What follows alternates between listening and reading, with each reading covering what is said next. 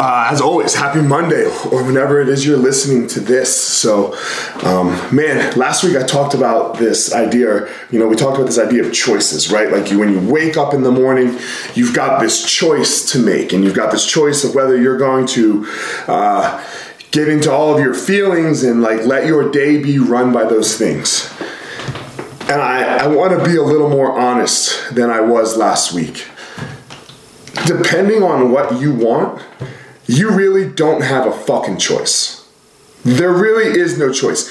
If what you want is success, if what you want is to achieve more, and I'm not saying more than anybody else or more than um, than than you know this guy, that guy, your neighbor. I'm not talking about comparing yourself to somebody else. I'm just talking about more for you.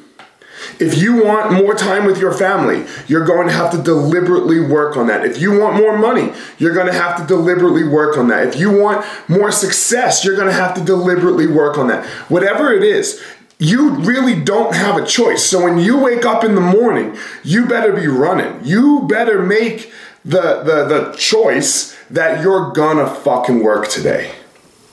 So do it. So do it. So get up and work.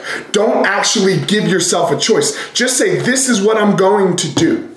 This is what I'm going to do today, and this is what I'm going to do tomorrow, and this is what I'm going to do every day until I am actually where it is that I want to be. And then when you get to this um, mythical place of where it is you want to be, then make another fucking choice. Get somewhere else.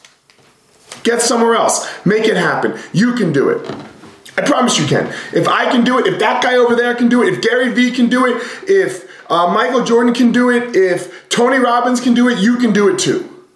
Because no one is more than any than flesh and blood and, and atoms. That's all. Everyone's made that way. Discover your passion, find your power, go give your purpose to the world.